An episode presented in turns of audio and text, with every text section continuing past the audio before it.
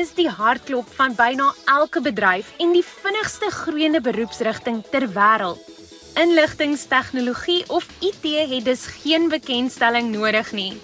Goeienaand en welkom by Kompas hier op RSG. Ek is Marley van der Merwe en dis vir my 'n groot voorreg om vir die volgende paar minute weer saam met jou te kuier. Dis die waarheid dat daar geen bedryf in hierdie era is wat nie IT op sy bedrywe toepas nie. En vanaand is opvoedkundige spesialis Elisna Kelly hier om ons meer oor die verskeidenheid geleenthede te vertel wat 'n beroep in die inligtingstegnologie sektor kan bied. Kompas. Kraakvers en knetterend. Ilisna, ons lê baie klem op studeer en eksamens, maar wat van na die tyd? Goeienaand aan die RSG luisteraars en so ook die Kompas span. Dis vir my Elisna Kelly altyd 'n voorreg om saam met u te kan gesels en as ware hoop ek ook sal vanaand gesprekspunte oopdwing.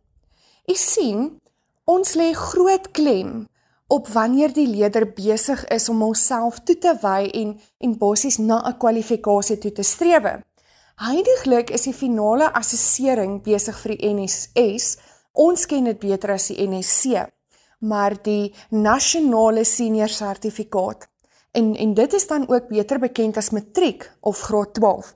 Dis die intreevlak kwalifikasie in Suid-Afrika soos aangeteken op die nasionale kwalifikasie raamwerk. En dit maak dan die deur oop vir of verdere studie of dan as ware om in die werkplek in te tree. Sou die leerder hierna gaan en gaan swat, lê ons selfs ook klem op die volgende eksamens in die semesters wat sou kom om onsself dan te werk na die kwalifikasie wat ons dan wil hê. Of dit dan 'n sertifikaat is, 'n nasionale diploma is of dan 'n graad, is dit ons grootste fokuspunt.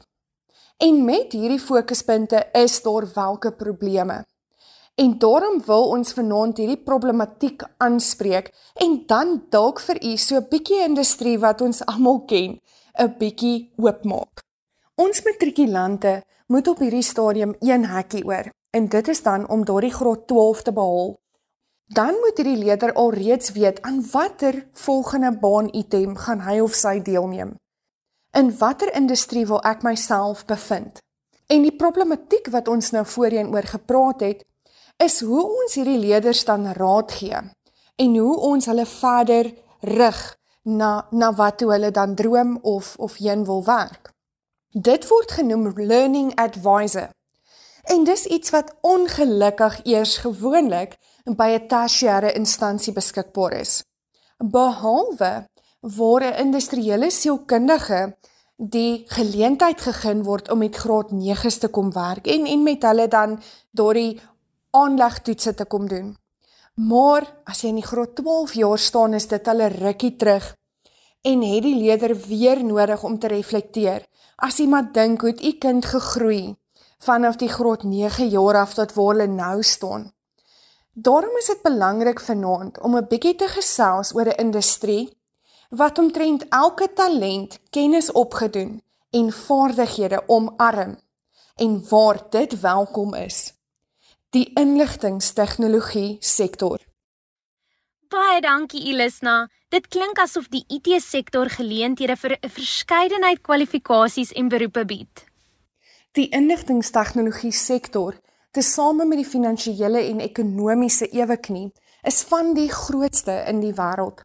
Dis belangrik dat leerders wanneer hulle voorberei om in 'n beroep te gaan staan, soos byvoorbeeld 'n kwalifikasie daarvoor te loop om hulle self te kwalifiseer, hul sal dink hoe toepaslik hierdie is wat hulle dan beoog om te doen in een van hierdie sektore. Die rede daarvoor is omdat die aanvraag tot arbeid redelik groot is, sowel as wat die inkomste generering in hierdie tipe sektore van die hoogstes is.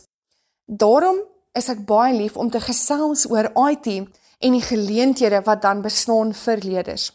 Ek sien IT het die manier om 'n kind te vat wat baie goed is met skepende kunste en selfs musiek, maar ook die kind te vat wat baie moeilik kan kommunikeer, maar wat baie slim is om uitdagings en groot konstrukte uitmekaar te haal.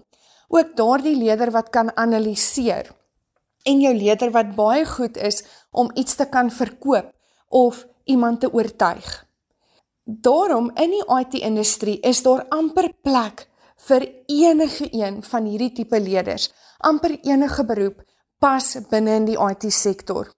En dit is belangrik dat wanneer ons hierdie in die in die oog hou, dat die leerder dan swat en toepaslike ervaring opdoen in sy swat jare om homself dan meer bemarkbaar, meer aantreklik te maak vir 'n tipe pos in hierdie sektor.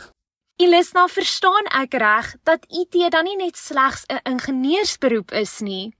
In die graad 9 jaar het ons as onderwysspan gewoonlik 'n gesprek met die leerder en die ouer in ons bemark ons vak en probeer kyk dat die vak dan ook toepaslik is vir wat die leerder se legkort vir ons wys. Waarheen is hierdie leerder op pad? Wat wil hulle graag doen? En wat het hulle aanlegtoetse aangetoon? Gewoonlik dan gesels ons met die leerders. In my geval het ek gesels oor RTT of CAT of IT IT. In hierdie gesprekke sê die ouers of die leerder dan baie maklik, maar ek wil nie 'n sagte ware ontwikkelaar word nie of ek wil nie noodwendig met netwerke of IT probleme werk nie. En dit is dan tot waar die ouer en die leerder kon dink in terme van die IT beroepe. Dis nie iets wat in hulle huishouding oop is nie, iemand wat hulle ken werk nie daarin nie. So daarom is dit al waar die leerder en die ouer gemaklik voel of waar hulle die term IT kan plaas en 'n beroep. Vanaand is dit my voorreg om moontlik vir leerders en ouers die IT beroepe in die IT sektor 'n bietjie oop te sluit. Net so Elisna, die term IT kan so baie beteken. Kan jy asseblief vir ons die term IT definieer en 'n bietjie meer oor die subvelde wat daarin bestaan gesels? Wanneer ons gesels oor IT in terme van die definisie en die konsepte daaroor soos dit metodologies geskryf is, die teorie daaroor basies, dan gaan ons heelwat verskillende uitgangspunte hê oor wat presies IT is en dit behels. Maar in Jan Alleman styl en vir die doel van ons gesprek vanaand, as ons dan kyk na IT, is dit daardie komponente wat 'n rekenaar maak of 'n stelsel maak, het sy dit dan die harde ware, die sagte ware en ook stelsels waar data geplaas word, waar dit dan gestoor word en ook uiteindelik dan gebruik word om inligting te word. So enigiets waar ons data gaan skep, waar ons dit gaan verander en stoor en en sekere toestelle moet gebruik daarvoor is wat ons dan gaan praat oor as IT.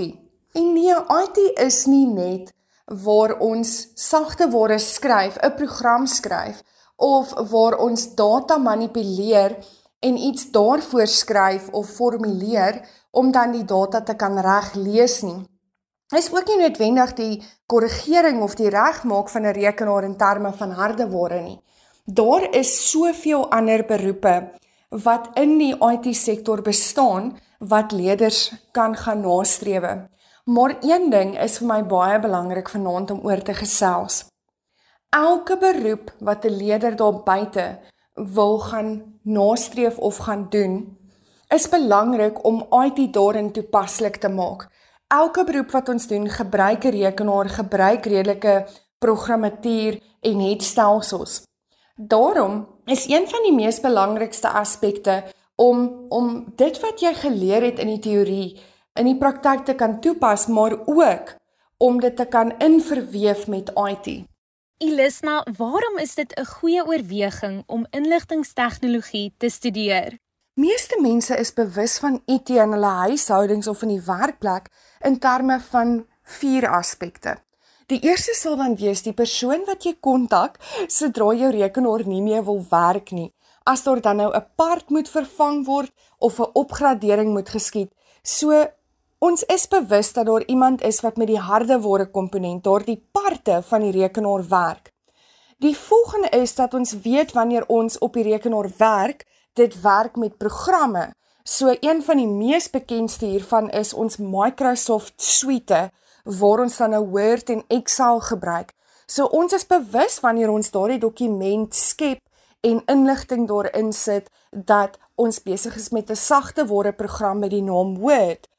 So harde ware en sagte ware is iets wat die persoon dan basies daar buite maklik verstaan en hoe sy konnotasie aan IT is. Die ander twee is waar ek moet data hê om te kan werk met die internet. Ook kort ek dan 'n diensverskaffer en dikwels 'n lyn, 'n internetlyn. So die die verskaffers en die kostes ook, dit verstaan ons ook redelik goed. Maar IT is ver meer as dit.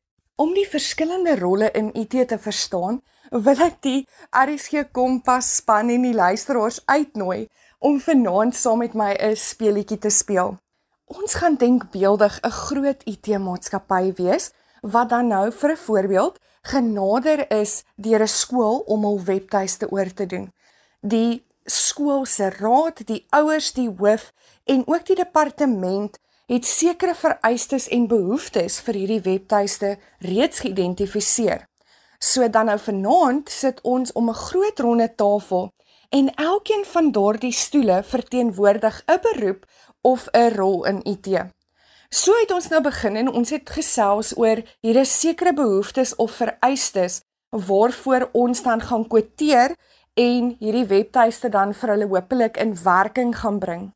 Die persoon wat dan daardie vereistes dokumenteer en probeer om die prosesse te verstaan, word 'n besigheidsanalis genoem. Dit kan ook 'n stelsel-analis wees. So die twee verskille is dat 'n besigheidsanalis gaan na 'n kliënt toe, dokumenteer hoe hulle hulle werk doen sodat ons kan verstaan hoe ons dit kan outomatiseer in 'n rekenaar, hoe ons dit dan kan vergemaklik of verander En ook om korrupsie en so voorts te bekamp, is dit baie makliker om iets te outomatiseer as om dit dan in 'n mens se hande te los. So hierdie persoon dan gaan kyk na dit en skryf dan sekere vereistes. So hulle sal dan daardie stelsel se vereistes vir jou begin dokumenteer. Die stelsel-analis kan dit ook doen in die plek van die besigheidsanalis, maar hy kom later ter sprake. Die besigheidsanalis, dis same met die projekbestuurder, 'n projekbestuurder lei 'n span. Hy weet watter tipe verskillende rolle het hy nodig in watter tipe departemente en hy kom dan saam omdat ons sou ons hierdie besigheid kry, hy dan hierdie projek gaan lei. En hy sal dan basies die geld en die tyd en dit wat ons uitsit, daardie produk bestuur, die kwaliteit daarvan. 'n Projekbestuurder maak seker dat iets op tyd binne die begroting gebeur volgens die gekose standaarde. Daarna dan gaan die projekbestuurder en die besigheidsanalis om daardie tafel en sekere vrae word gevra van sekere rolspelers. Een van dit is dat terwyl hulle daar sit, is daar 'n persoon wat dan gaan begin en ek verskoon my dat ek nou die Engels gaan gebruik, die sekere pages, die bladsye van hierdie webtuis gaan sit en teken en alreeds sien goed, maar al daardie vereistes pas dan op die kontak ons button of op die kontak ons knoppie. So hy begin alreeds om die argitektuur van die stelsel saam te stel. So ons het ook 'n persoon wat stelsel-argitektuur doen. So ons kry die vereistes, maar nou moet ons besluit hoe gaan ons dit dan nou alles akkommodeer op hierdie stelsel. Daarna is daar 'n persoon wat dit gaan moet implementeer wat gaan gebeur. Dit is dan die opleidingspersoneel wat dan vir die persone wat hierdie stelsel gaan gebruik opleidingsmateriaal gaan skryf om dan hierdie stelsel goed te implementeer. Dit gaan dan so werk dat hierdie persone gaan vra hoeveel mense moet opgelei word om 'n kostebepaling te doen. Wil hulle eerder 'n gids hê of wil hulle eerder e-leer hê? Want dit gaan ook 'n effek hê op die koste. Die persone wat ons gaan oplei, is hulle dan nou reeds vertroud met rekenaars of moet ons dan in ag neem dat hulle geletterdheid nie op standaard is nie? So dit gaan die persoon in opleiding dan vra. Langs hulle sit 'n veranderingsbestuurder in IT. So die veranderingsbestuurder gaan vra, is daar enige teenkanting teen hierdie webtuiste in die skool. Is daar iemand wat nie gelukkig is nie en dan gaan hulle dalk noem dat 'n paar ouers nie tevrede is dat daar kostes hierop gespandeer word nie. Hierdie persoon gaan dan begin om 'n organisatoriese veranderingsplan saam te stel en ook 'n kommunikasieplan en gaan dan vra vra rondom dit. Want dit maak dat daardie program op die ou end gebruik gaan word, hierdie webtuiste gebruik gaan word alles dan nou nie. Die persoon wat dan hierdie stelsel ontleed, die stelselanalis, is die persoon wat ook die stelsel gaan toets. Gaan kyk as ons moes hierdie knoppie gehad het, het ons hom werk hy. Daardie persoon gaan dan sekere vrae vra wat meer inligting gaan verg as die besigheidsanalis. Ook het ons 'n persoon wat werk met data, die databestuurder. Hierdie persoon gaan vra waar lê al die inligting in hierdie webtuiste tans? Watter datasisteem word gebruik? So waar is hierdie tabel met al die kinders se inligting of die ouers se inligting? Hoe kan ons dit bekom? Kan ons dit dan nou gebruik en integreer in ons nuwe webtuiste of moet ons dan dit alles van voor af begin? So dit dan vir die verskillende rolle in IT, daar is nog vele meer. Baie dankie dan ook vir daardie inligting Ilisna. Dit wil blyk asof soveel meer studente rapporteer dat hulle selfs met 'n graad en sekere werkservaring nie gehelp kom met 'n pos nie. Hoe kan inligtingstegnologie hierdie gaping kleiner maak? Ek dink hier spesifiek aan 'n IT-student iemand wat graag gelewe uit kindsheid wil maak. En wanneer hy of sy met sy ouers gesels en sê maar ek is 'n kreatiewe wese, ek wil graag innoveer, is ouers noodwendig bekommerd want dit is nie altyd so maklik om dit te maak nie. Maar as so 'n student wat byvoorbeeld baie visueel knap is en ingesteld is, dan hierdie kennis neem en ook as grafiese ontwerper kwalifiseer. Dit wil dan sê hulle kunsdroom realiseer dan in 'n IT-hoedanigheid ook waar hulle byvoorbeeld nie net logos ontwerp, nie net fotos kan manipuleer nie. Hierdie persoon is dikwels ook betrokke by wat ons noem die UI UX, die user feel en die look and feel van 'n webtuiste. Byvoorbeeld hoe die korporatiewe klere gebruik gaan word, wat gaan van die inligting of fotos in sekere kaste gesit word, wat kom dan esteties op die eerste blaai en op die laaste blaai. Hierdie persone is dan ons grafiese ontwerpers. En sodra jy dan kan neem wat jy regtig voor lief is en dit relevant in die IT wêreld maak, kan jy noodwendig na jouself kyk. Al is dit ook net tydelik en jy dan later basies nog steeds daardie kindstroom wil najag. Vir nou is dit makliker. Die IT wêreld is vol van die poste en die behoefte vir dit wat jy wil bring. Ilisna, beteken dit dan nou dat 'n leerder inligtingstegnologie moet studeer om binne die sektor relevant te wees? Die maklikste om hierdie vraag te antwoord is om dan te sê ons het 'n sekere vaardigheid of 'n talent. Daardie tipe ding wat gemaak het ons nooit eendag in ons lewens werk nie om daardie vaardigheid of talent in te tik in 'n Google soektog en dan basies die woorde by te sit watter IT werk gaan van hierdie vaardigheid kan gebruik maak. Dan is dit belangrik om te sien watter beroepe gaan dit by inskakel en hoe gereeld van hierdie beroepe beskikbaar is. Ons gaan moet kyk hoe ons mekaar kan akkommodeer. Ons wat die vaardigheid het en die IT-mark wat dan ons gaan verwelkom in 'n werk. Ek dink net die IT-mark is 'n mark met 'n groeiende industrie en IT word nie gesien as een van daardie aspekte wat 'n lopende uitgawe is nie. IT is iets wat inkomste inbring in die maatskappy wat die werk vergemaklik. Byvoorbeeld, kom ons kyk dan nou hoe IT se wêreld van werk verander het toe die pandemie begin het. Nou kan ons deur middel van sagte ware ook van die huis af werk. Verder meer is IT regtig 'n plek soos wat ek gesê het waar daardie kreatiwiteit en innovasie wat binne mens gebore word omarm word. 'n Sagte ware ontwikkelaar moet dink aan 'n program, iets wat niemand alreeds het nie. So vir daardie leier wat regtig ingenieurswyse denke het, analisering in sy lewe meer toepas as iemand anders en graag iets wil bou, is dit regtig 'n lekker industrie om in te wees. Ilisna, watter bronne of fondse is binne die sektor beskikbaar vir studies? Die wêreld van IT wil graag belê in werknemers. Daar is 'n groeiende aanvraag Dis belangrik om sommer hierna op Google 'n soektog te doen en te kyk watter maatskappye bied vir hierdie jaar wat kom dan beurse. 'n Ander metode en raad wat ek vir die luisteraars wil gee is om SETA MICT te kontak. S E T A spasie M I, dis dan nou 'n kolletjie C T. Gaan kyk gerus na die skaars sektor verslag vir die volgende 5 jaar en kyk waar daar dan 'n skaarsste kan wees en watter bronne of hulpbronne is beskikbaar vir die leerders.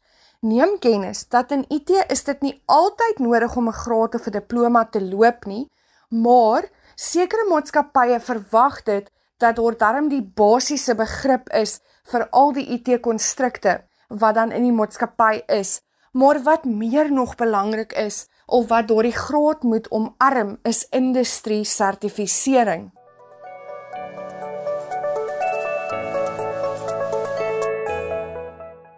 Baie dankie dan aan opvoedkundige spesialis Elisna Kelly vir vanaand se insette. Nou ja, daar is geen twyfel dat 'n beroep in die inligtingstegnologie sektor nie net winsgewend is nie, maar ook veelsidig kan wees.